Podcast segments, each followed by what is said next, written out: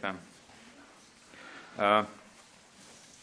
Az a helyzet, hogy szemüveg nélkül nem látok. Viszont a maszk miatt párásodik a szemüveg, úgyhogy ha ezt megengednétek nekem, akkor én levenném. Az előbb próbáltam az, az előző órán, hogy csak lehúztam, de katasztrofális eredménnyel járt, úgyhogy inkább, ha lehetséges, akkor ezt levenném. Köszönöm szépen.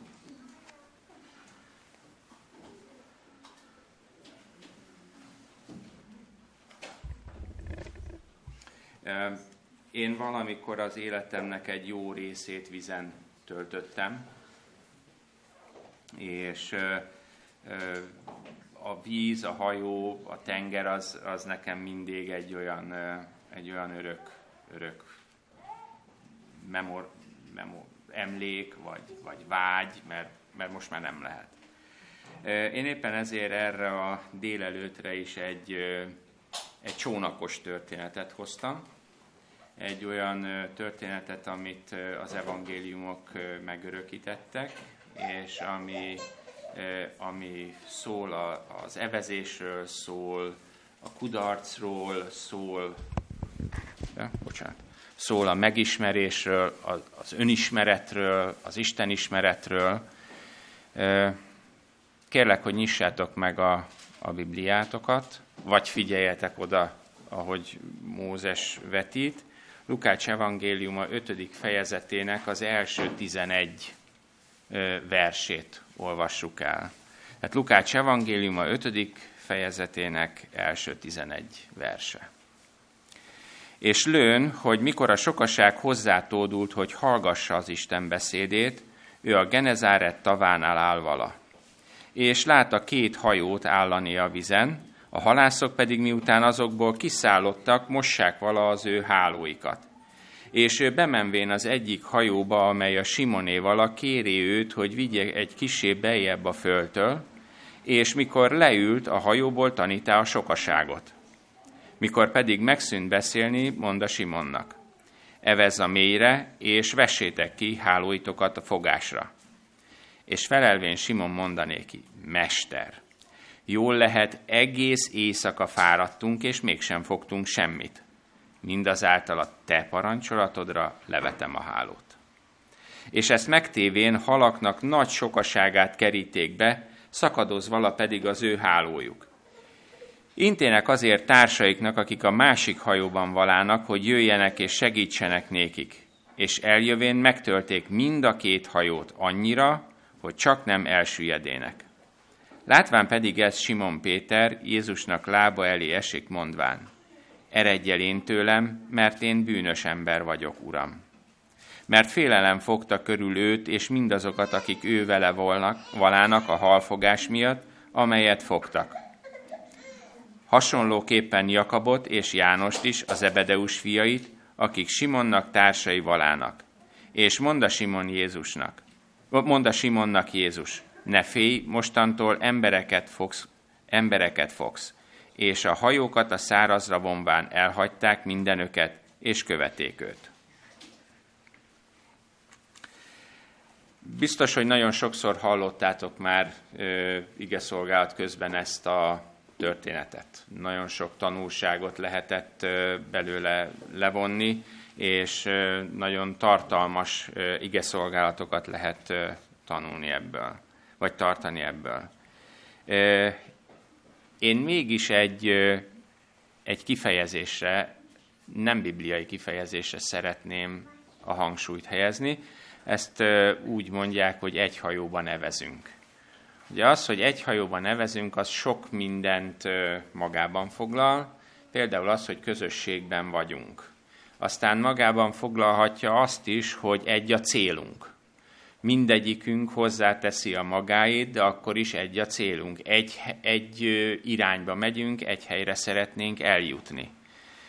És aztán magában foglalja az is, hogy mivel egy a célunk, egy irányba akarunk, vagy egy irányba húzunk, ezért meg fogjuk ismerni önmagunkat. Ebben a történetben viszont nem csak Péter fogja megismerni saját magát, hanem Péter megismeri Jézus Krisztust is.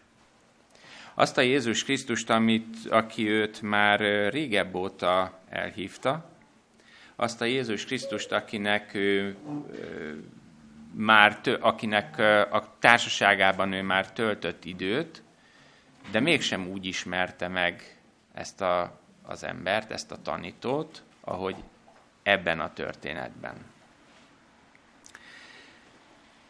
Ma az emberek számára az, hogy megismerjék Istent, az nem feltétlenül egy vonzó esemény. Nem is biztos, hogy érdekli őket. Az viszont, hogy megismerjék önmagukat, az igen. Ez, hogyha én megpróbáltam, beírtam a Google-be, hogy önismereti tanfolyam. A, azt hiszem egy oldalon 10 vagy 15 ilyen találat van, és 8 oldalt hozott ki.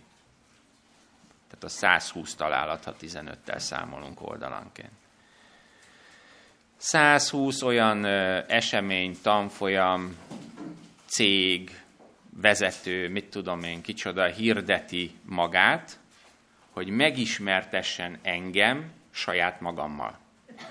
Mert szerintük ők jobban ismernek engem, mint ahogy én saját magam. Még akár e, igazuk is lehet. Miért? Mi lehet a, a mai emberben, ami, ami ezt indokolja? Talán az, hogy lebecsüljük önmagunkat? Vagy az, hogy túlbecsüljük önmagunkat? Vagy az, hogy lebecsüljük az értékeinket? Vagy túlbecsüljük az értékeinket? Vagy nem foglalkozunk a hibáinkkal, vagy túl sokat foglalkozunk a hibáinkkal. És ebből rengeteg baj, csalódás és keserűség támad. Amit azonban ebben az igében olvashatunk, az, az valami teljesen más. Valami olyanra próbálja meg rádöbbenteni az embert, amit, amit egy külső, egy másik ember biztos, hogy nem adhat meg.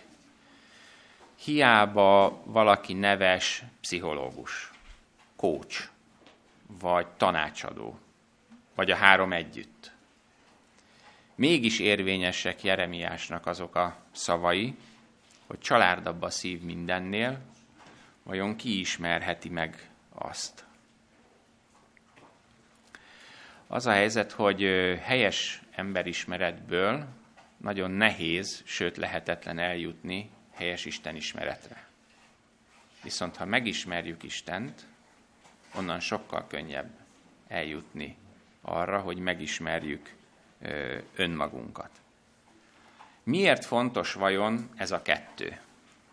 Miért fontos az, hogy az ember igenis tisztában legyen az, hogy kicsoda Isten, kicsoda Jézus Krisztus, és ki az, akit őt imádni és szolgálni szeretne. Jézus ezt a főpapi imájában fogalmazta meg nagyon találóan. Azt mondta, hogy az pedig az örök élet, hogy megismerjenek téged, az egyedül igaz Istent, és akit elküldtél, a Jézus Krisztust. Igazából az embernek egy életen szóló, egy életre szóló törekvése kellene, hogy legyen, hogy, hogy megismerje Jézus Krisztust. Biztos hallottatok már magyarázatot arról, hogy, hogy miért éjszaka haláztak a halászok. Hogy a hőmérséklet változásával a halak is költöznek egy tavon tenger részen belül, amikor lehűl, vagy amikor felekszik, úgyhogy mozognak kívül belül. Úgyhogy ezért volt az, hogy a halászok, Péterék, azok éjszaka és a mélyben haláztak. Mert ott összegyűlnek a halak, viszonylag kis területre, kis területen, nagy fogás, mehetünk haza, kész. De ezen az éjszakán nem így történt. Tehát hiába volt a szakma ismerete, hiába volt a sok éves tapasztalat, hiába volt az apák minden tanácsa, egy snecit nem fogtak. Semmit. Csak moszatot, vagy Lukas bocskort, vagy bármi ilyesmit. Úgyhogy amikor kijöttek, nem tudom, voltatok-e már ö, bőrigázva. Az, biztos, az nem egy kellemes élmény. Voltatok már úgy bőrigázva, hogy egyébként hullafáradtak vagytok. Az még rosszabb élmény. És ezután még az emberre ott vár egy aprólékos munka, amikor a hálót le kell tisztogatni, amikor azt össze kell hajtani, elő kell készíteni a következő napra, hogy amikor azt húzzák ki a hajóból, akkor az akadálymentesen, akadásmentesen, nehogy összegubancolódjon. Nagyon, nagyon babra munka, és nagyon idegesítő tud lenni.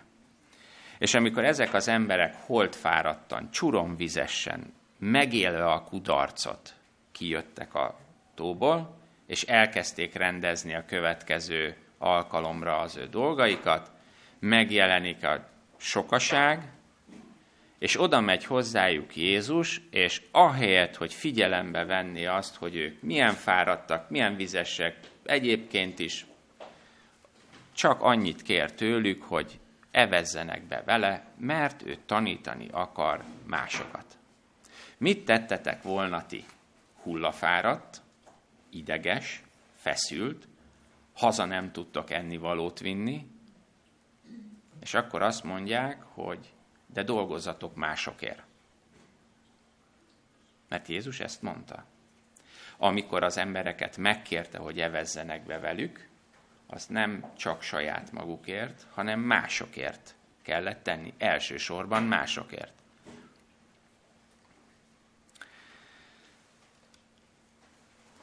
Nem tudom, hogy mi játszódott le ezekben az emberekben. Péter kénytelen, kelletlen, fogta magát, elpakolt mindent, beültette Jézust, és bementek a partra. Talán, ez nem biztos, hogy így van, abban reménykedett, hogy gyorsan vége lesz, most nem lesz sok példázat, nem lesz érthetetlen példázat. A tömeg gyorsan eloszlik, Jézus gyorsan kiszáll, ők meg maradhatnak a maguk bajával. De nem így történt.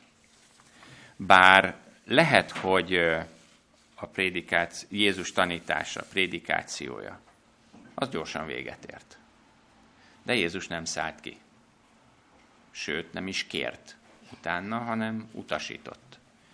És azt mondta, hogy vessétek ki a hálótokat. És akkor Péterben megszólalhatott akár a, a keserűség, vagy a feszültség. Most itt, belül. Hát még ha azt mondanád, hogy menjünk ki, rendben van. Na de itt belül, amikor magasan jár a nap.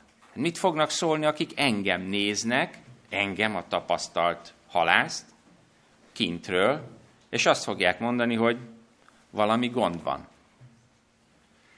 De Péter képes volt úrrá, úrrá lenni az összes feszültségen az összes kétkedésén, mindenen, és ha visszaemlékeztek erre a sorra, akkor azt mondta, hogy de a te parancsolatodra bevetem a hálót. Jézus én úgy gondolom, hogy egy borzasztó türelmes ember volt, amikor itt volt a Földön. És én úgy gondolom, hogy egy borzasztóan türelmes Isten, amikor fönt van a mennyben. Rám már 55 éve vár. Nem tudom ki, hogy van vele, de 55 éve képes elviselni engem. Péterért is nagyon türelmes volt. Péternek is, és nekem is hagyott időt arra, hogy az ő igéje utat találjon a szívébe. Hagyott időt arra, hogy az a burok, ami körbeveszi az ember a bűnös ember szívét, az kezdjen megrepedni. Jézus Péternek egy három alkalomból adódó önismereti tréninget kezdett el. Amikor, tehát ha visszaemlékeztek, akkor Péter először mesternek szólítja Jézust. Te parancsolatodra, mester hogy akkor a, a, a tanítókat nevezték így, nem szólítja Jézust Jézusnak, mint hogyha jó barátságban lennének vele, nem szólítja barátomnak, mesternek szólítja, ami egy ilyen általános valami, tudja, hogy ács, elfogadja, talán jó ács, de hát most itt vagyunk, ez az én, az én szakmám, az én szakterületem, az én munkahelyem. Mit akar itt egy ács? Lehet, hogy jó ács,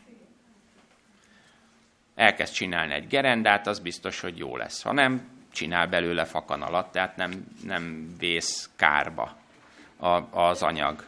Na de itt, itt biztos, hogy nem. Itt nem. És mégis az, hogy, hogy utat enged Krisztus szavának, azt tudja elindítani igazából azokat a csodákat, amiket, amiken Péternek keresztül kell mennie. Ugye annyi halat fogtak, hogy nem félt erre a hárójuk. Kellett hívni a kollégákat. A kollégáknak is alig fért a hajójába. Talán azt lehet mondani legalábbis akár Ellen White Jézus élete könyve alapján, akár az ige alapján, hogy ilyen fogásuk az életben nem volt. Tehát ennyi halat soha eddig nem fog, nem is láttak egy helyen. És érdekes, hogy Péter nem a zsákmányjal van elfoglalva. Nem a gazdag zsákmányjal van elfoglalva, hanem az ő személyének a szegénységével. Ez indíthatja őt arra, hogy nem pakol, nem örül, nem lelkendezik, hanem egyszerűen csak leborul a mester lába elé. A halfogás után félelem fogta el. Nem öröm, félelem. Egy olyan félelem, amit az az ember élhet át, aki a tudatára ébred annak, hogy az Istenség van vele egy csónakban. Az Istenség van jelen. Az Istenség van az ő életében, mert az Isten belépett az ő életébe. És a mesterről Péter átvált egy nagyon érdekes szóra, és így fejezi be a mondatát, hogy Uram. Az ószövetségi zsidó ember ezt a kifejezést, ezt Isten nevének a szinonimájaként használta. Ugye ők féltek fölvenni az Isten nevét, és ezért szavakat alkottak azért, hogy ezt ne kelljen kimondani, és ők az Isten neve helyett használták ezt a kifejezést, hogy hogy Uram. El tudta képzelni, el tudta hinni Péter mindezt, hogy az Isten nem csak az életébe lépett be, hanem a bárkájába is. Hogy ő ugyanott áll, ahol a világ teremtője is áll. Minden, minden összejött Péternek és egyik pillanatról a másikra tudott az ellenkezőjére fordulni. A keserűség, a bánat, a kudarc, talán az önmarcangolás, és mindez átfordul egy olyan alázatba és örömbe, amit csak az Isten jelenlétében lehet meg és átélni.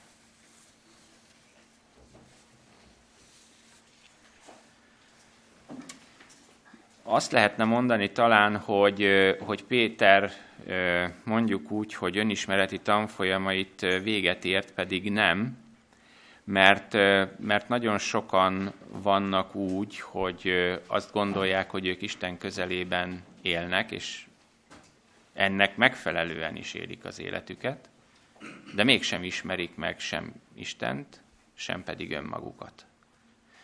És Péter önismereti tanfolyamának a következő alkalma, következő állomása és következő leckéje, azt, azt mi úgy mondjuk, vagy úgy ismerjük, hogy az utolsó vacsora. Ugye az utolsó vacsora alkalmával hangzik el az, hogy, hogy Jézus azt mondja, hogy neki meg kell halni, és mindenki elhagyja őt, és Péter az egyetlen, aki, aki azt mondja, hogy én nem. Ezek simán. Én kizár dolog. Az életemet adnám érte. Bármit. Mit tegyek érted? Harcoljak, küzdjek.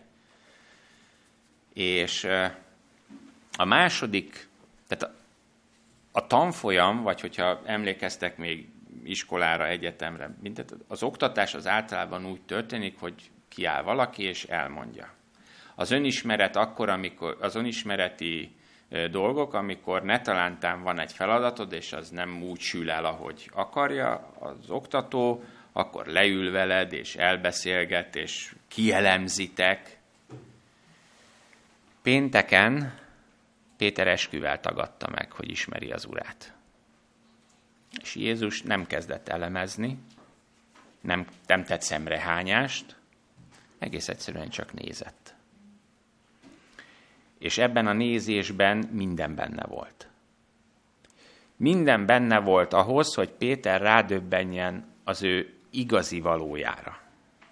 Hogy még mindig van valami, ami, ami sántít. Még mindig van valami, ami közé és az Isten közé állhat. Még mindig van valami abból a régi Péterből, aki, aki ott ki akarta oktatni a tengerparton, vagy a tengeren az Isten fiát.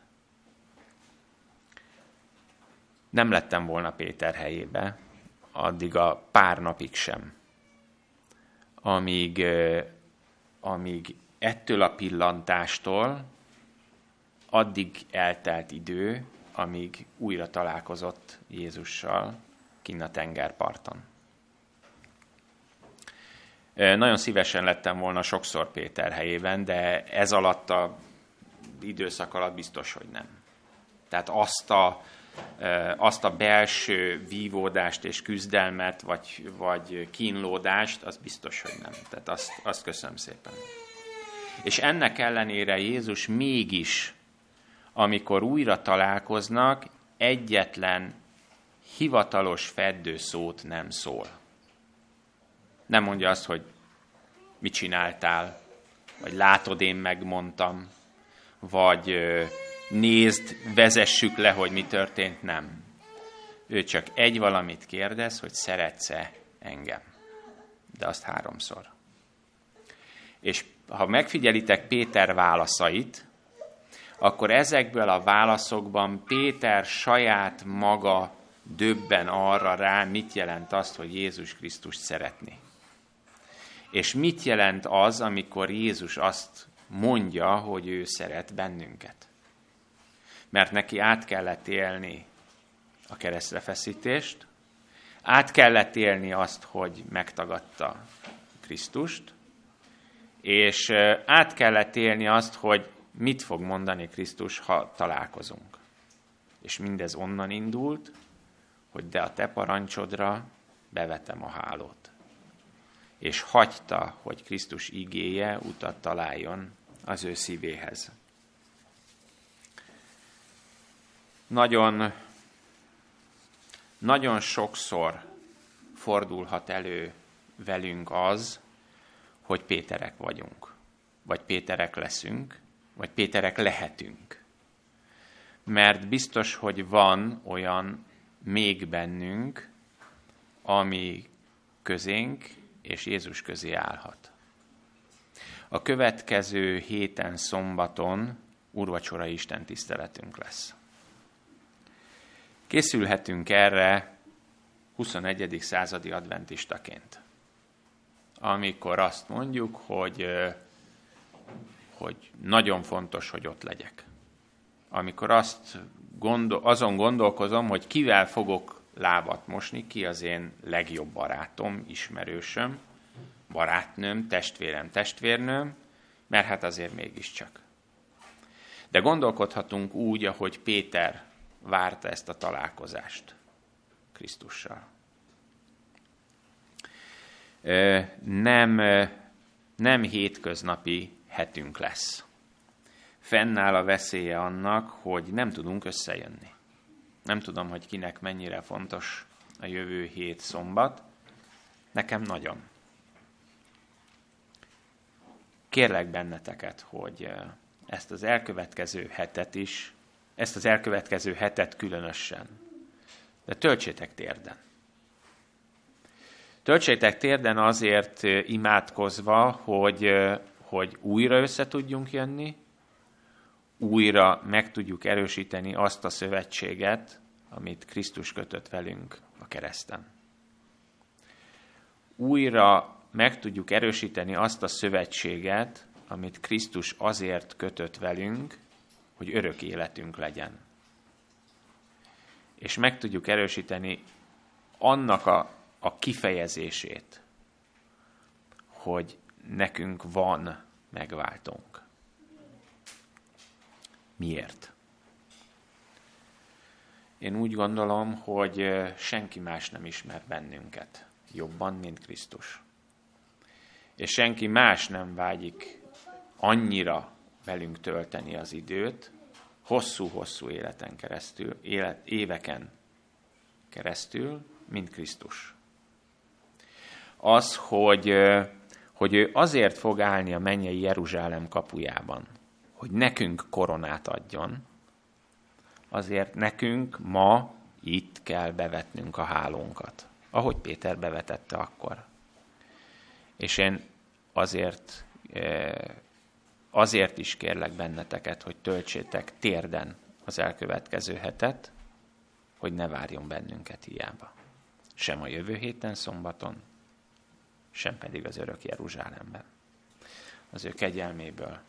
Amen.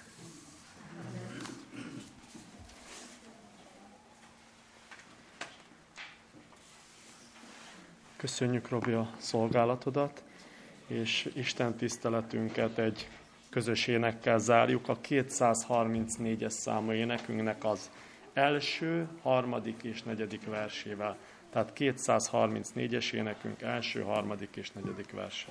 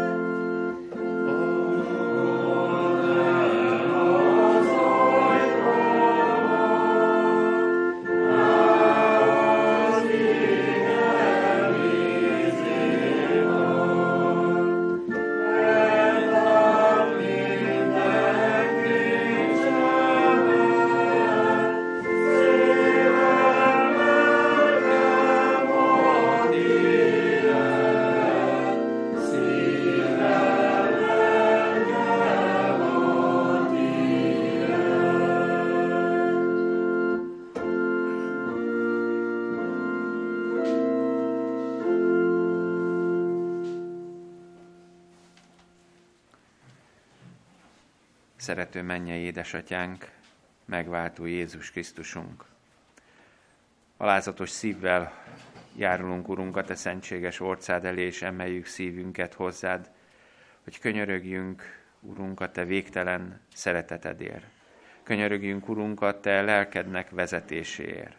Te légy velünk, Urunk, az elkövetkező héten.